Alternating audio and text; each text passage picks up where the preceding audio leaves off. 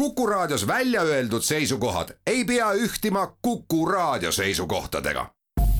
Te kuulate Kuku Raadiot.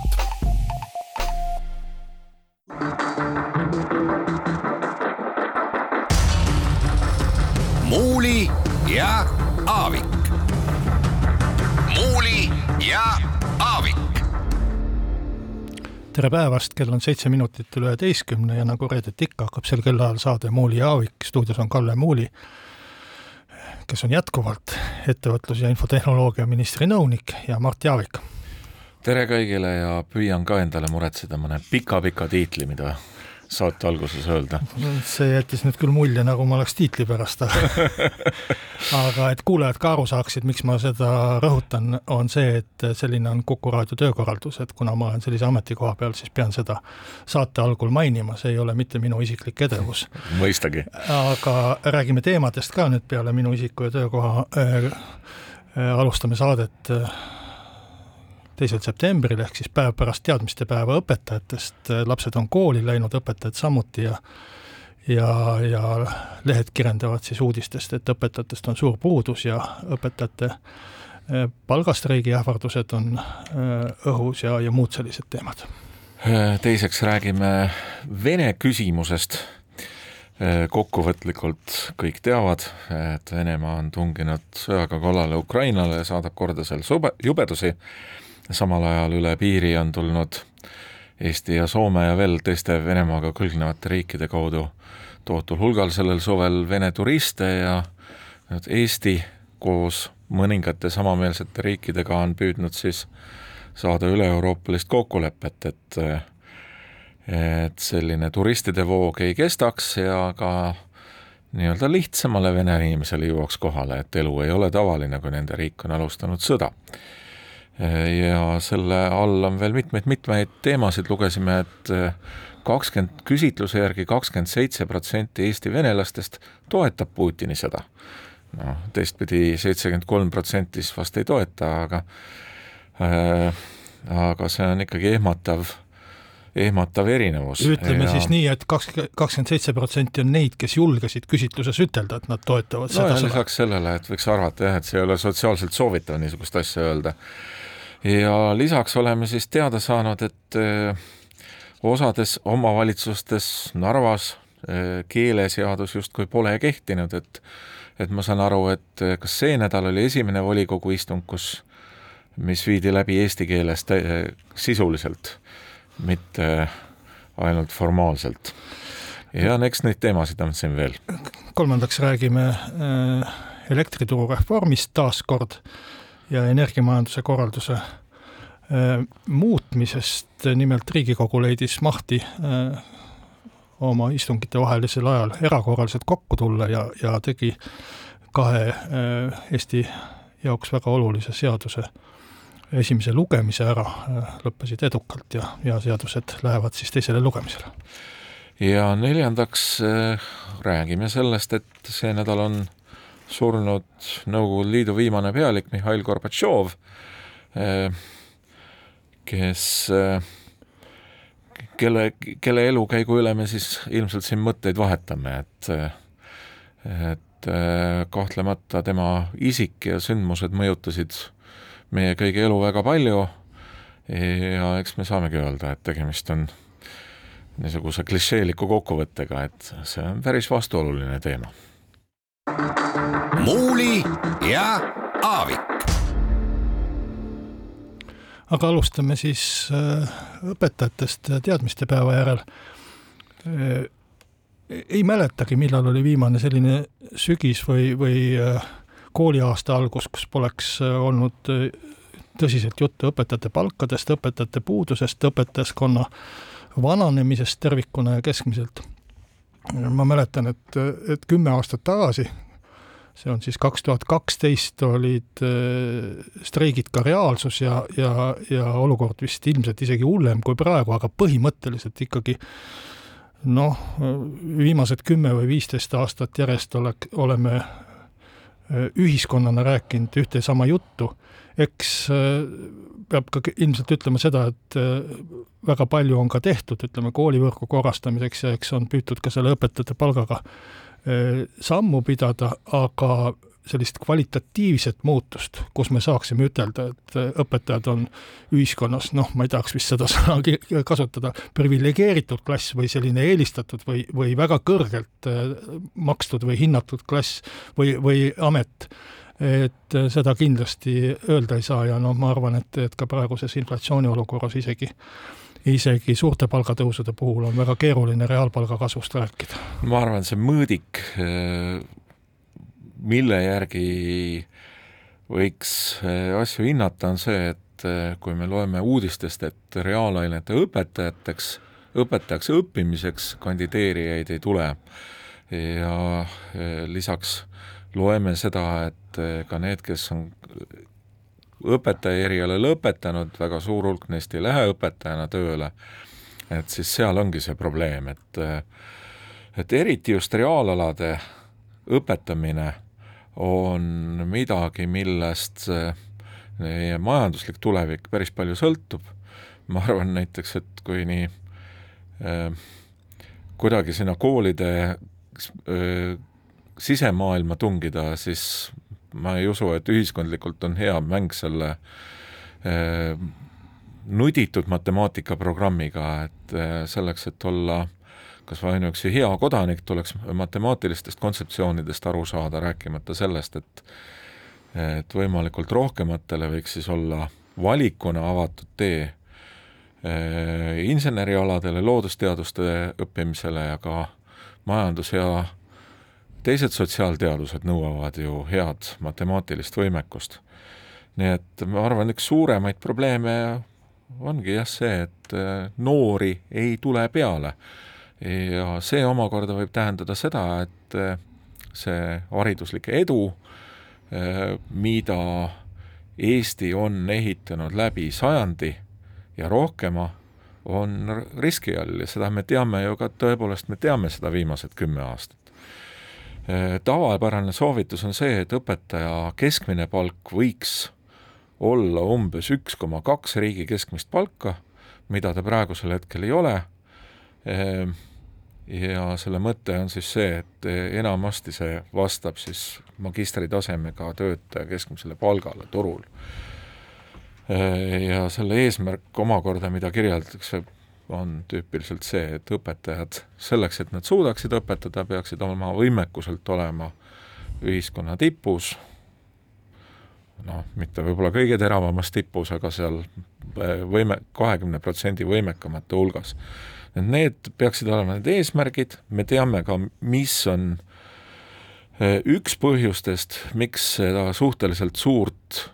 hariduskulu, mis me ühiskonnana kanname, ei jagu õpetajatele siis selle mainitud palgataseme jaoks, et Eesti on suhteliselt hõredalt, aga ühtlaselt asustatud, koolivõrku korrastatud on küll, mis ju üksiti tähendab ka väiksemate koolide kinnipanemist, aga päris ilmselt mitte piisavalt ja, ja noh, tüüpiline on see, et et inimesed, kes väga nutuselt räägivad esimesel septembril või õpetajate streigi korral sellest, et õpetajate palk peaks olema kõrgem, eh, siis kui tuleb jutuks mõne konkreetse kooli sulgemine ja mõni teine lahendus kui väga väikeste koolide pidamine maapiirkondades, eh, hakkavad sama nutuselt rääkima sellest, kuidas kool on kogu, kohaliku kogukonna elukeskus ja mis kõik veel, eks ole, koos postkontoriga. nii et eh, see on natukene jõhker jutt ja võib-olla ma ei ole piisavalt empaatiline siis inimeste suhtes, kes neid väikseid koole tahavad elus pidada, aga kokkuvõttes see on süsteemi viga ja eh, kui tahta ühte, siis me saame need tulemused, mis meil on ja kui ei ole, ei olda valmis leppima sellega, et et majade arvelt investeeritud, investeeritakse pigem inimestesse ja kvaliteeti, siis siis eh, niisugune see tulemus on. no mitme asjaga tahaks vaielda siin sinuga, e, e, hakkame siis sellest koolivõrgust pihta. tõsi on see, et eh, ütleme, Eestis eh, õpilaste arv õpetaja kohta ei ole Euroopa kõrgem. pigem on seal madalamas otsas ja kui, kui võrrelda ma ei tea, Saksamaaga, kus on seitseteist õpilast õpetaja kohta keskmiselt ja Eestis, kus on umbes kaksteist, ma ütlen neid arve tõesti peast ja ja väga, väga vanu, vana mälu järgi, võib-olla isegi sellest ajast veel, kui töötasin õpetajate lehes, aga, aga umbes nii see oli, et, et oli see, et umbes kaksteist õpilast on Eestis õpetaja kohta ja, ja, ja on Euroopas riike, kus on see arv suurem, aga siin peab ikkagi vaatama ka seda,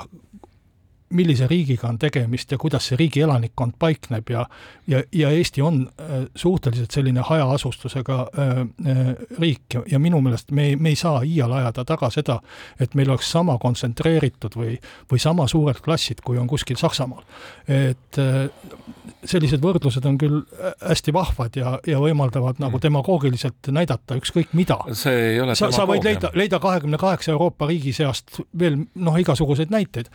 aga, aga ma arvan, et me väga palju siin ei saa enam sellega pitsitada, et, et teeme koole suuremaks või paneme väiksemaid kinni või mis iganes, et äh, seda on äh, sellel sajandil päris palju tehtud, on ka põhjendatult tehtud, aga ma arvan, et siin väga suurt ressurssi enam, e-, enam ei ole, võib-olla no, natukene annab veel teha, jah. Nii palju, kui mina nüüd tean, tõsi, ei ole värskelt üle vaadanud, aga ka mälu järgi tsiteerin, et Eesti on äh, haridus, üldhariduskulude osalt OECD riikide hulgas kas päris tipus või üsna tipus.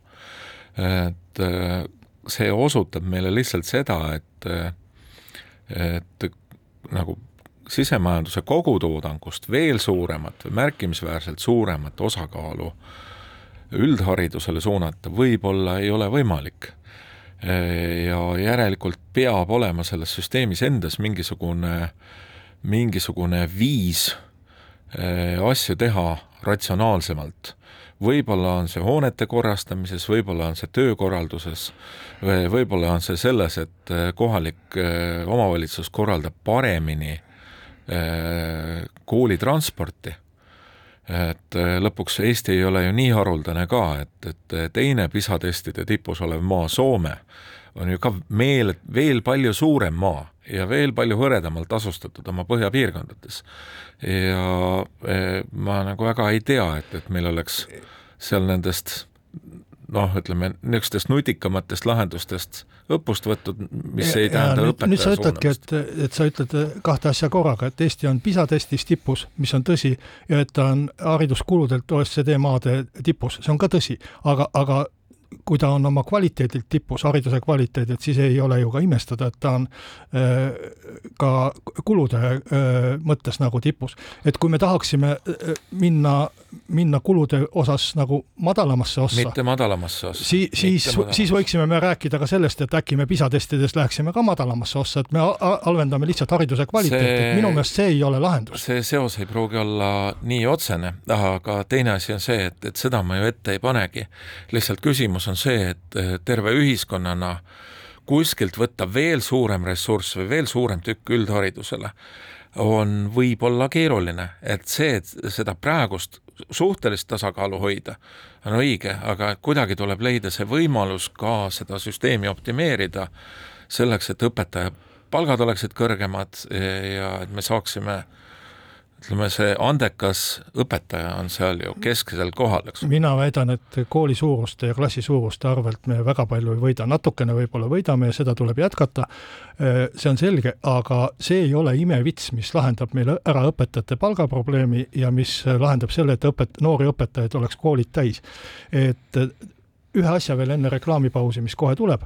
ütlen veel, et minu meelest see keskmisest, õpetaja keskmisest palgast lähtumine ei ole õige printsiip. selle keskmise palga sees on ületunnid, ülekoormused, selle sees on klassi juhatamine ja, ja igasugused muud asjad, võib-olla mõni õpetaja töötab topeltkoormusega ja saab äh, tõesti äh, keskmisest suuremat palka. ja, ja siis me ütleme keskmine palk õpetajate palga puhul on keskmisest palgast mugav rääkida poliitikutele või nendele, kes raha jagavad, aga tegelikult me peaks rääkima õpetaja miinimumpalgast või alampalgast ja, ja seda peaks püüdma tõsta ja, ja, ja me peaksime rääkima sellest numbrist. norm, normkoormuse palgast, eks ole. jah, ja, ja, ja selles ja osas selle normkoormuse järgi olekski see ideaalne eesmärk, kui kui ta oleks üks koma kaks Eesti keskmist palka, eks teeme siinkohal siis selle lubatud reklaamipausi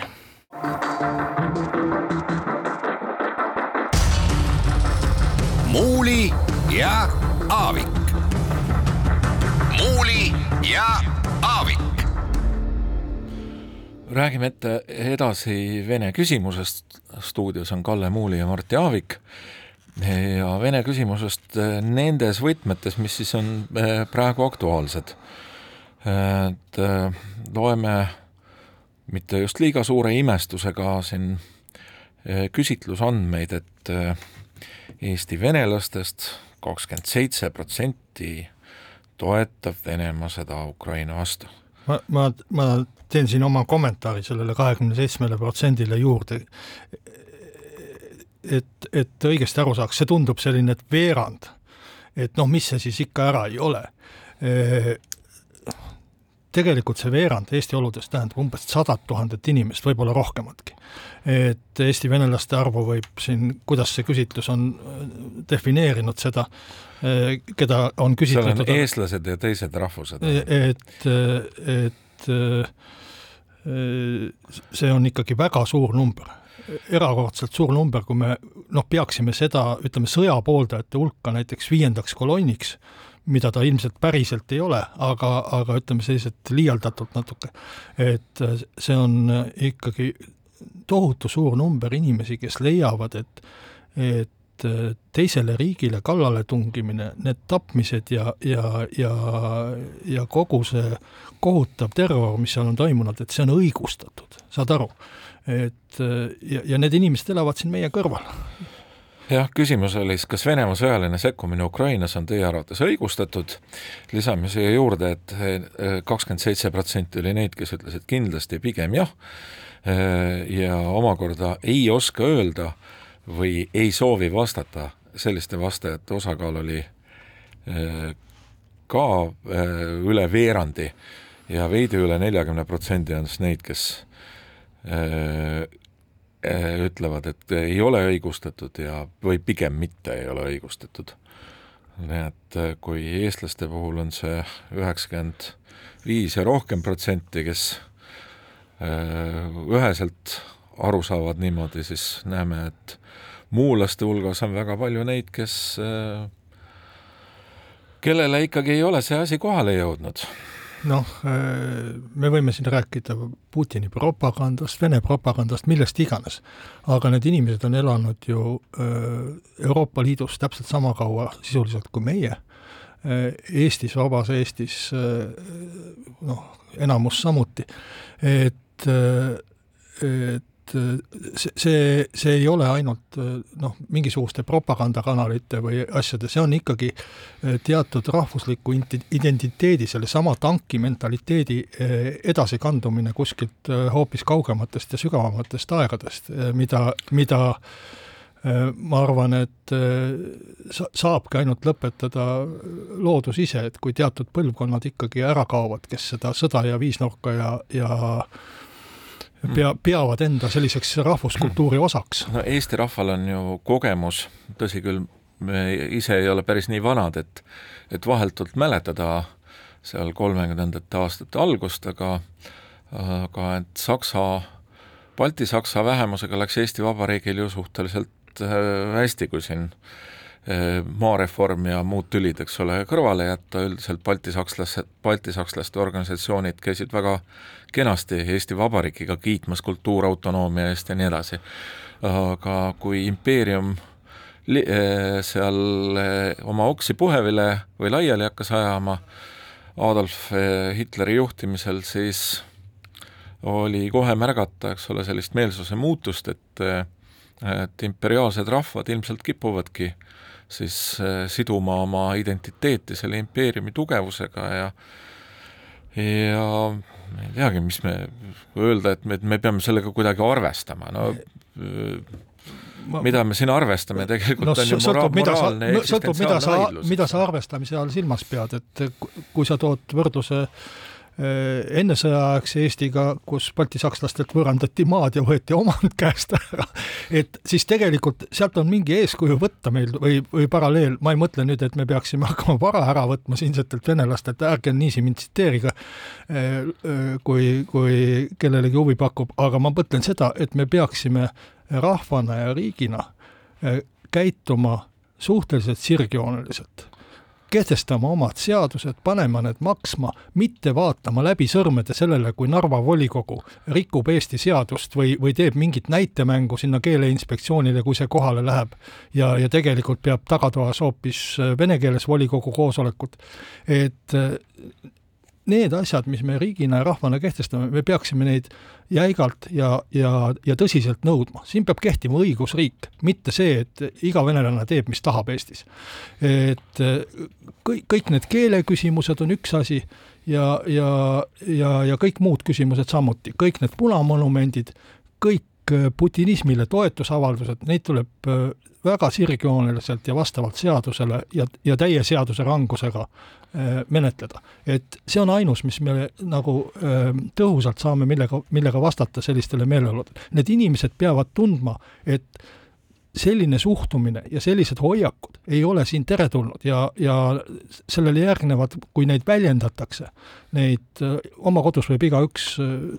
kardinad ette tõmmata ja mõelda, mis ta tahab, et selles mõttes on Eesti vaba riik, lahku kirjutatult ka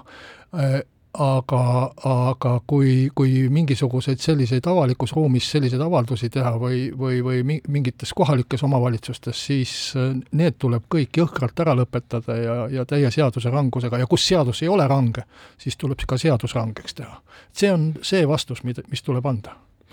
jaa, et äh, ma olen aeg-ajalt ka kuulanud selliseid äh, jutte niisugust raskest identiteedist ja vapustust, vapustusest Äh, mis olevat olnud siin Eestis olnud venelastel sellest, et Nõukogude Liit varises kokku. et äh, see, mida Eesti Vabariik on teinud, on see, et öelnud kõigile, mitte ainult oma kodanikele, vaid oma elanikele,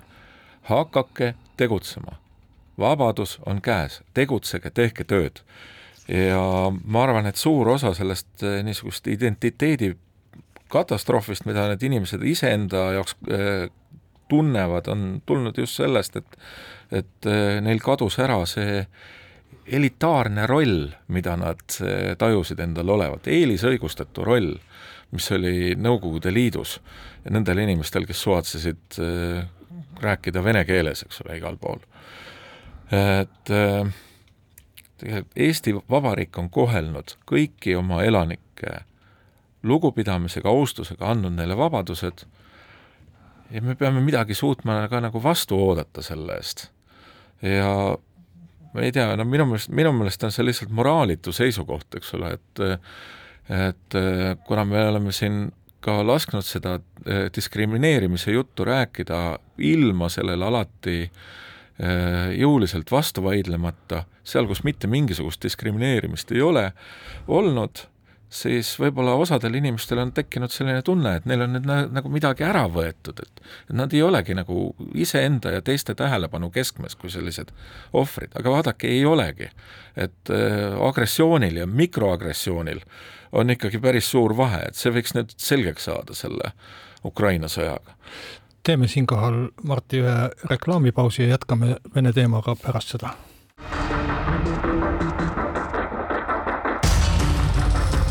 Muuli ja Aavik. muuli ja Aavik. jätkame saadet stuudios Martti Aavik ja Kalle Muuli. Martti rääkis siin esimese pooltunni lõpuks venelaste nii-öelda diskrimineerimisest Eestis, see tõi mulle meelde kohe üheksakümnendat aastat, kus siin käis väga sageli Max van der Stuhl, kes oli ma püüan selle tiitli nüüd mälu järgi õigesti ütelda, OSCE vähemusrahvuste ülemkomissar äkki.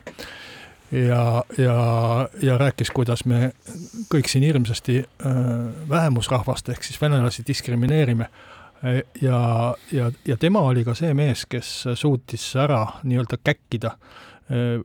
volikogu liikmetele kehtestatud keelenõude. kaks, kaks kunagist Isamaa erakonna liiget, nüüd juba mõlemad manalamehed, Mart Nutt ja, ja Tiit Käbin olid siis need eestvedajad, kes, kes äh, üritasid äh, tekitada olukorda, et äh, see, kes tahab kohaliku omavalitsuse volikogusse kandideerida, peab oskama eesti keelt ja et peab tooma siis ka vastava paberi, noh, see seadus küll võeti vastu, aga hoopis leebemas vormis. Ja, ja nüüdseks on see täiesti kadunud. Ja nagu sellise ajaloo paradoksina või, või mis iganes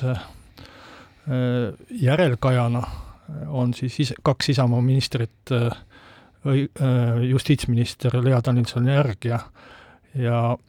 ja Riina Solman on algatanud uuesti arutelu selle üle, et võiks, võiks ikkagi äh, volikogu kandidaatidele äh, mingi eesti keele oskuse nõue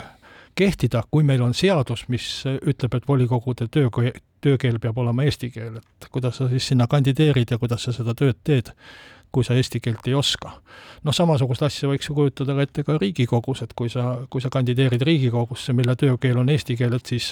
keegi ei hakka ju sulle tõlget sinna panema või, või, või mingis teises keeles Riigikogu istungit pidama. aga volikogudes meil paraku on nii, et kuna on volikogusid, kus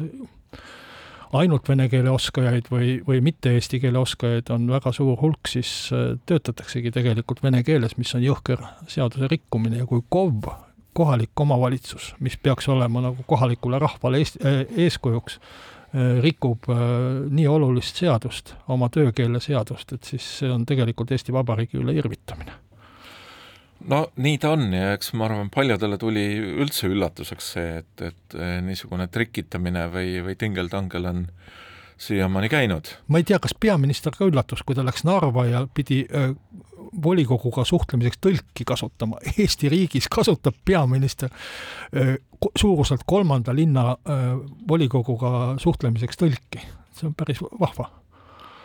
et et äh, jah, tegemist on ju ikkagi üsna niisuguse pöörase, pöörase nähtusega ja ma arvan, et meil tasuks tulla kindlasti tagasi ka selle mõtte juurde, et äh, valimiste eel ja valimiste ajal, et äh, see on ikkagi üsna niisugune pretsedenditu või, või nagu paralleelita vastutulek, et et kõik inimesed ilma kodakondsuseta, kes on suvatsenud siia asuda, saavad valida kohalikke omavalitsusi, ma saan aru, et see on Euroopa äh, reegel, et, äh, et kui sina koliksid Prantsusmaale ja elad seal mõnda aega mõnes omavalitsuses, siis sul tekib ka võimalus osaleda kohalikus poliitikas ja nii, et et aga ma arvan, et me peaksime tulema tõsimeeli selle mõtte juurde, et äh, et Eestis saavad eh, kohalikke omavalitsusi valida ikkagi Eesti kodanikud ja teiste Euroopa Liidu riikide kodanikud ja kolmandate riikide kodanikel sellist õigust olema ei peaks. et eh, ma tean väga hästi, et, et päris eh, mitmed hakkavad ütlema vastu nagu selliseid selliseid asju, et näiteks Vene kodakondsusest pidavat olema väga keeruline loobuda praegu ja nii edasi, aga aga no lõppeks on see midagi, mis äh, see on nagu niisugune tehniline asjaolu, et inimene peaks olema ikkagi mentaalselt ka seotud selle riigiga, kus ta elab ja veel enam, kus ta tahab mi-, mingisuguseid asju korraldada. kui ei taha, kui meelsuse väljendus on see, et, et ma ei taha, no siis ära tegele, ära vali, ära osale. no tegime sellise ettepaneku koalitsiooniläbirääkimiste käigus, aga, aga mulle tegelikult äh, arusaamatutel põhjustel on Reformierakond on võtnud jäigalt vastuolemise, äkki nad mingil hetkel mõtlevad ümber. ja, ja noh, lõppude lõpuks, eks valimiste ajal saab ka rahva käest küsida, et mis nad siis arvavad äh, sellisest äh, käsitlusest, et, et Vene kodanikelt KOV-valimiste õigus ära võtta. aga kui me vaatame nagu praegust üldist olukorda, siis minu meelest see muutub, see valimisõiguse küsimus muutub üha pakilisemaks meile on tulnud äh, Ukraina põgenikke üle viiekümne tuhande, kes on siia siis ilmselt jäänud praegust äh, ja, ja noh, ei tea, kaua nad siin on. ja kindel on see, et äh, ilmselt on kindel see, et päris kõik ka tagasi ei lähe, aga peale selle, ja sellest on vähem räägitud, on tulnud üle piiri ka väga palju Vene kodanikke Venemaalt osalt siis dissidendid või need, keda kodumaal tagasi, taga kiusatakse, aga ega me kõigi tausta ja, ja tulekupõhjust ei teagi ju. Euroopa Liit on välja andnud vist üle kümne miljoni viisa Vene kodanikele, suur osa neist tuleb üle Eesti piiri üldse sõja algusest peale kuue kuu jooksul on tulnud üle äh, piiri Euroopa Liitu miljon inimest, sealhulgas Eestis kolme, kolmsada tuhat. ja, ja palju neist siia on jäänud, äh, kui nad on viisadega tulnud ja, ja äh, ei ole siit edasi läinud või, või kavatsevad siia jääda, et seda tegelikult ei tea keegi, loomulikult mingil hetkel lõpeb see viisa ära ja pead kodumaale tagasi minema. aga ma arvan, et tervikuna ikkagi nende Vene kodanike arv Eestis üsna kiiresti on, on viimasel ajal suurenenud ja suureneb. ja noh, loomulikult need, kohe neil ei oleks seda paiksustsensust täidetud, nad ei saa, nad ei ole püsielanikud, nad ei saa juba selle tõttu valida, aga mingil hetkel mingi osa nendest saab ka püsielanikeks ja tegelikult meil see probleem ei kao kuhugi ära ma ei usu, et see kakskümmend seitse protsenti, millest me siin rääkisime, hakkab väga kiiresti kahanema nüüd Äh,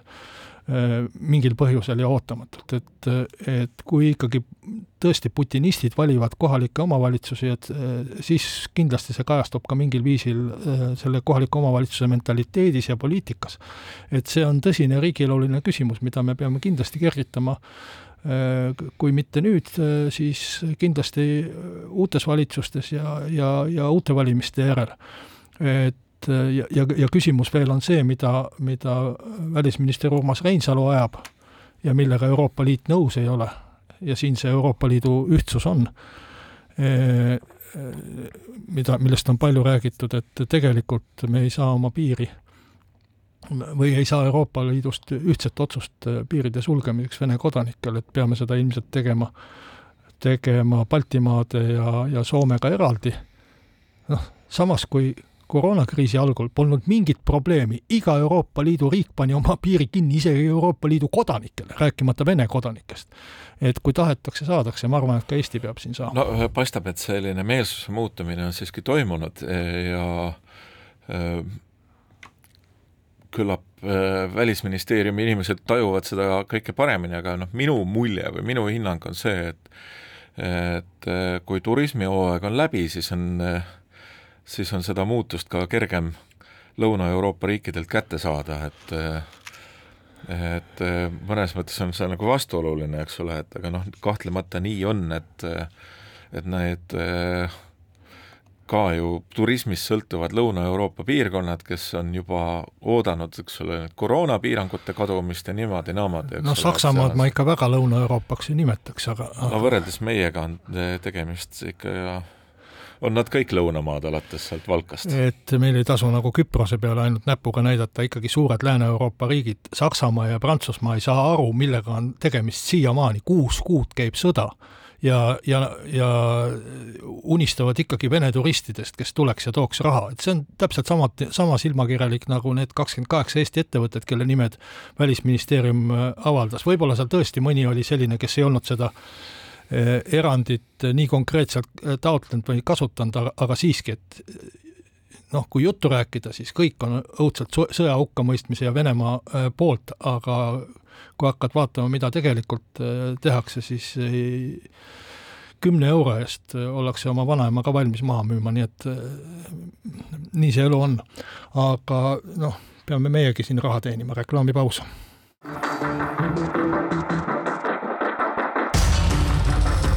Muuli ja Aavik.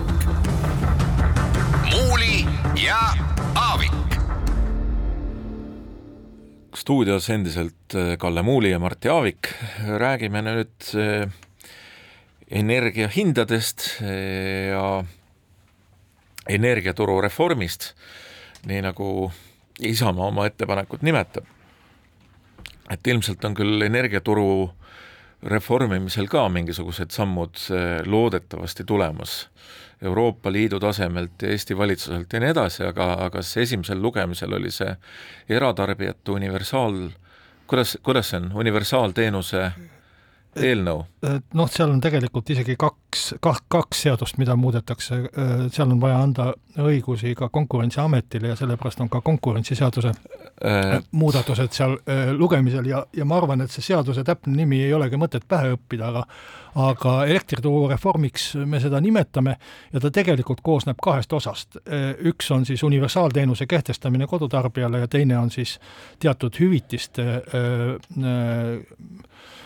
määramine mitte ainult elektritarbijale, vaid ka gaasile ja kaugkütte eest talveperioodiks. aga nüüd Riigikogus oli erakorralisel lugemisel kaks seadust, üks oli siis elektrituru reformi seadus, mida kandis ette ettevõtlus- ja infotehnoloogia minister Kristjan Järvan ja teine oli siis majandusminister ma, äh, Riina Sikkuti alt tulnud äh, energiamajanduse korralduse seaduse muudatused, mis tegelikult siis äh, näevad ette hoopis pikka plaani. et elektrituru reform lahendab äh, pakilisi küsimusi äh, eelolevat talve ja võib-olla eelolevat nelja aastat, nii kaua see universaaltehnoloos kehtib. ja selle aja jooksul siis loodetakse rajada rohkem elektritootmisvõimsusi, mis ka niisama hinda alla viiksid, aga energiamajanduse ümberkorraldamine tähendab tegelikult seda, et suurendatakse oluliselt äh, taastuvenergia äh, võimsuste väljaehitamist ja toot- ja taastuvenergia tootmist, aga seda on ka valesti mõistetud ja ma, ma rõhutan, et see ei tähenda, et aastaks kaks tuhat kolmkümmend, kui Eesti peaks omama nii palju taastuvenergia tootmisvõimsusi, et kogu oma energ-, elektrivajadus ära katta, et, et selleks ajaks lõpetatakse igasugustest muudest allikatest elektri tootmine Eestis ära. Et nii seda kindlasti ei ole mõeldud, et lihtsalt taastuvenergiale lisaks on siis kõik muud asjad, minu pärast, minu pärast, kui me ehitame tuumajaama, siis tuumaenergia ja kui mõni põlevkivijaam töö, töötab, siis see ka, aga, aga lihtsalt, et taastuvenergia võimsust oleks nii palju, et enda, enda vajadus ära katta. no ma arvan, et õige mitmed rääkijad on seda asja just niimoodi, niimoodi esitanudki läbi aastate, et et aastal kaks tuhat kolmkümmend enam siin põlevkiviga ei kööta. Äh, kas... Selli-, selline asi võib juhtuda siis näiteks, kui elektri hind, see nüüd on naerukoht muidugi väga paljudel, juhul kui äh, elektri hind on nii odav, et põlevkivijaam börsile ei mahu mm, -hmm. et, et äh, hinna poolest ta ei mahu börsile, siis tõesti põlevkivielektrit ei ole, aga kui elektrihinnad oleks sellised, nagu ta praegu on, siis loomulikult põlevkivijaam huugaks, nii et seda nägu on. aga võib-olla tegin tegin nagu niisuguse mitte iroonilise, aga sellise natukene teie eh, erakondliku propagandat tagasitõmbava sissejuhatuse, aga tegelikult ma arvan, et eh, kõik peavad ju sellele universaalteenuse õnnestumisele pöialt, et eks me eh, näeme siis lähema kuu jooksul, kui see seadus vastu võetakse ja tegelikult hinnad ja paketid välja tulevad, et kas see on korda läinud, aga noh, selge see, et et inimeste meelerahu hakkamasaamise ja ka võib-olla selle jaoks, et eh, siin keerulisel talvel tõepoolest mingisuguseid energiarahutusi ei tekiks, on sellist, eh, selliseid tasandavaid meetmeid vaja. ja paistab, et ümberkaudu ka kõik teised riigid teevad noh, midagi sarnast, kõik ju mõtlevad absoluutselt selle ühe asja peale ja mis on minu meelest poliitilises kommunikatsioonis ka hästi sarnane Eestis ja naaberriikides, on see, et et valitsused eh, on otsustanud korrata seda juttu, et, et selle olukorra on põhjustanud siis Putini sõda Ukraina vastu ja Putini energiasõda Euroopa vastu, mis on ka kahtlemata õige, ja opositsioonierakonnad eh, seletavad midagi sellest, et eh, tegelikult Äh, seemned äh, sellisteks energiahinna kõikumisteks on, olid juba näha varem ja mina ei ole opositsioonierakonnas, aga ma ütlen, et, et, et me oleme, oleme teinud kümne viimase aasta jooksul äh, palju vigu ja jätnud on, välja ehitamata oma tegel, võimsusi. tegelikult on õigus mõlemal poolel, aga ütleme, teratõtt on mõlemal poolel, aga sellist piiki või sellist ootamatut jõhkrat kõikumist ilmselt ilm, täitsa ilmselgelt ilma selle sõjata ja ka eh, Venemaa energia väljalõikamiseta ju ei oleks. et see, mis on varem valesti tehtud, eh, see on nagu kõik õige, eks ole, aga tuleb vaadata, et me saaksime ilma liiga suurte tülideta ühiskondadena hakkama no see on sõja ajal väga oluline, aga kui sa ütled, et kõik peavad pöialt, et universaalteenusega hästi läheb, siis kindlasti see nii ei ole, et, et mõned vastutustundetud poliitikud kindlasti hoiavad pöialt, et mida halvem, seda parem. Noh, mäletame ju energia, hullemaid energiakriise, kus Lasnamäed oldi valmis evakueerima ja, ja tõesti tubades oli meil talvel või vähemalt riigiasutustes oli talvel kaksteist kraadi sooja rohkem ei lubatud sinna anda et äh, loodame, et nii hulluks see asi ei lähe, aga, aga ka sellistes olukordades me peame tegelikult rahu säilitama ja, ja mitte nagu sellistele hüsteeria õhutajatele äh, järgi kiitma ja, ja see, selline hüs-, hüstra ei aita meid ja. mitte kuidagi. ma, ma tegelikult, ma tegelikult arvan, et äh, asi ei ole väga hull, sest kui sa vaatad ka seda Riigikogu istungit, mis oli, kus universaalteenus läbis esimese lugemise, siis opositsioonierakonnad, mitte kumbki, ei teinud ettepanekut esimese lugemise katkestamiseks, ei teinud äh, ettepanekut tagasilükkamiseks ega hääletanud selle vastu. selles mõttes on, on äh, noh, toetus äh, arvestatav, et keegi ei, ei prognoosi mingit obstruktsiooni, et, et seda seadust pidurdada või takistada, kõik saavad aru, et see on vajalik seadus, küsimus on selles, et kuidas ettevõtteid toetada. ja, ja noh, siin on võin ütelda ka, et Isamaal on põhimõtteliselt siin väga selge seisukoht, et seda universaalteenust tuleb laiendada ka ettevõtetele, paljudele äh, ettevõtetele lubaks juba praegu see Euroopa Liidu reeglid laiendada ja ma arvan, et teistele, noh, lihtsalt see on aeganõudavam, saaks ka loa kätte pealegi mulle tundub, et me oleme saavutamas ka Euroopa Liidu tasandil juba läbimurret äh, saastekvootide osas, et nendele mingi kindel hind ja, ja madalam hind määrata ja, ja selle kaudu alla tuua. lihtsalt see Euroopa Liidu asjaajamine on nii kohutavalt aeglane ja nii kohutavalt bürokraatlik, et enne uut aastat ei ole siin küll midagi oodata, et hea, kui saaks esimeseks jaanuariks midagi kätte. tõenäoliselt, aga noh, optimismi peaks sisaldama see, et kõik on ju täpselt samasuguses Äh, ühesuguses jamas ja ja see motiveerib ka neid äh, ühiseid lahendusi otsima, et et ettepanekud siin nagu uksi põmmutada ja me ei tee rahvusvahelist koostööd ja nii edasi, et need on äh, väga rumalad, sellepärast et vastupidi, see nagu suured lahendused ongi selles turu reformimises ja ja, ja, ja regionaalsetes lahendustes igal juhul, et ja ja noh, lisaks see, et, et noh, vähegi pikemaajaliselt on võimalik ikkagi ennast sellest olukorrast ainult välja investeerida, et äh, loeme, lugesin siin lehtedest ka järjest näiteid ettevõtetest, kes on kui palju päikeseparkidesse investeerinud või siia-sinna oma tootmise kõrvale, et et ma arvan, niisugused suuremad, tugevamad või ka keskmised ettevõtted juba ongi aastaid sellega tegelenud, et endale energialahendusi leida. Martin, me võiksime jäädagi elektrist rääkima, aga, aga räägime ka äh, Mihhail Gorbatšovist, kes oli viimane Nõukogude Liidu juht ja, ja kes lõppeval nädalal äh, manalateed läks noh, hinnanguid on igasuguseid, võib ju, võib ju nii ja naa tema elutööd kokku võtta või, või tagasi vaadata sellele ja, ja eks tema kodumaal Äh, vaadatakse vist sellele isegi negatiivselt, vähemalt riigijuhtide tasandil on äh, Nõukogude Liidu lagunemine kuulutatud äh, suurimaks geopoliitiliseks katastroofiks möödunud sajandil, aga, aga kui vaadata Eesti seisukohast, siis ta ongi vastuoluline isik, ühest küljest tema eestvedamisel lõpetati külm sõda, asuti Nõukogude Liitu noh, kas nüüd demokratiseerima, aga vähemalt äh, muutma natuke läänelikumaks nii majanduslikus kui, kui ka äh, poliitilises ja, ja inimõiguste mõttes. Äh, aga kui, kui vaadata tema mõju nagu Eestile, siis tegelikult ega ta ei pooldanud Balti riikide iseseisvumist, ta oli selle vastu, ta laskis toimuda ka mitmeid verevalamisi liiduvabariikides, Tbilisi kaheksakümmend üheksa, Vilnius ja Riia üheksakümmend üks. Eestis jäi see ilmselt napilt ära,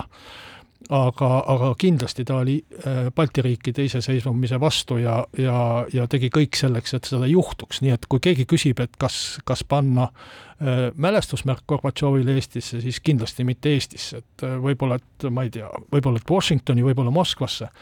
aga, aga meie iseseisvuse vastu oli ta kindlasti ja, ja kuigi ta oli veel Nõukogude Liidu viimane juht ka ju üheksakümmend üks augustis ja septembris, kus ta lasi toimuda putšil ja, ja putši surus ikkagi maha Jeltsin, mitte Gorbatšov. et ka Eesti iseseisvust ei tunnustanud mitte Gorbatšov, vaid seda tegi Venemaa president Boriss Jeltsin. nii et selles mõttes ma ütleks, et Eestil ei ole küll seal midagi väga pikalt leinata, aga maailma äh, üldisele poliitikale, pingelõdvendusele, äh, tuumarelvastuse võidujooksule ja